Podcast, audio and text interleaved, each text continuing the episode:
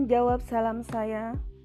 Semoga diberikan kesehatan, kebahagiaan, dilapangkan rezekinya. Amin ya robbal alamin. Assalamualaikum warahmatullahi wabarakatuh.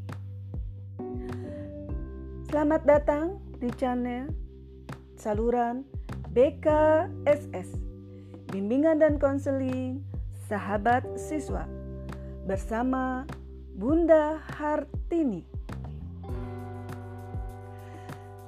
Baiklah pemirsa, Bunda ingin menyampaikan hal-hal yang berkaitan tentang bimbingan dan konseling.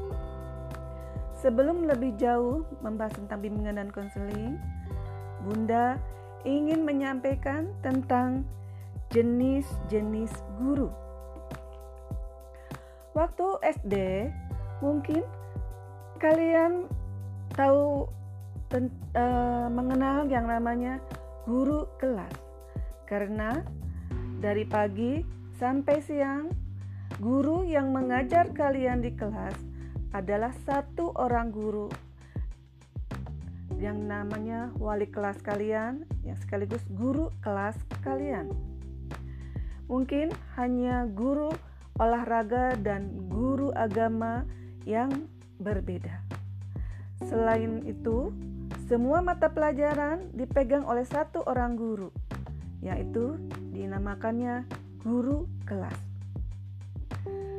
Kalau di SMP dan SMA, tidak ada yang namanya guru kelas. Yang ada adalah guru mata pelajaran. Satu orang guru memangku satu mata pelajaran. Guru matematika, satu orang, guru bahasa Indonesia satu orang, guru bahasa Inggris satu orang, guru IPA satu orang, dan guru-guru yang lainnya. Nah, itu adalah guru mata pelajaran.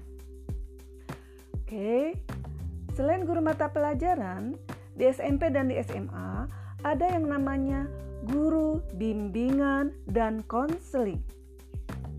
Mungkin kalian ada yang belum tahu, ada yang belum paham, apa sih tugas guru bimbingan dan konseling? Baik, di sini Bunda akan sampaikan, akan paparkan tentang perbedaan guru mata pelajaran dengan guru bimbingan dan konseling. Oke, guru mata pelajaran adalah guru yang memangku sebuah mata pelajaran yang ada di sekolah, yaitu guru matematika, guru bahasa Indonesia, guru IPA, guru bahasa Inggris, dan guru mata pelajaran yang lainnya. Tugas guru mata pelajaran yaitu memberikan wawasan, ilmu pengetahuan supaya supaya siswa cerdas dalam berpikir dari yang tidak tahu menjadi tahu, dari yang tidak bisa menjadi bisa. Itulah proses belajar bersama guru mata pelajaran.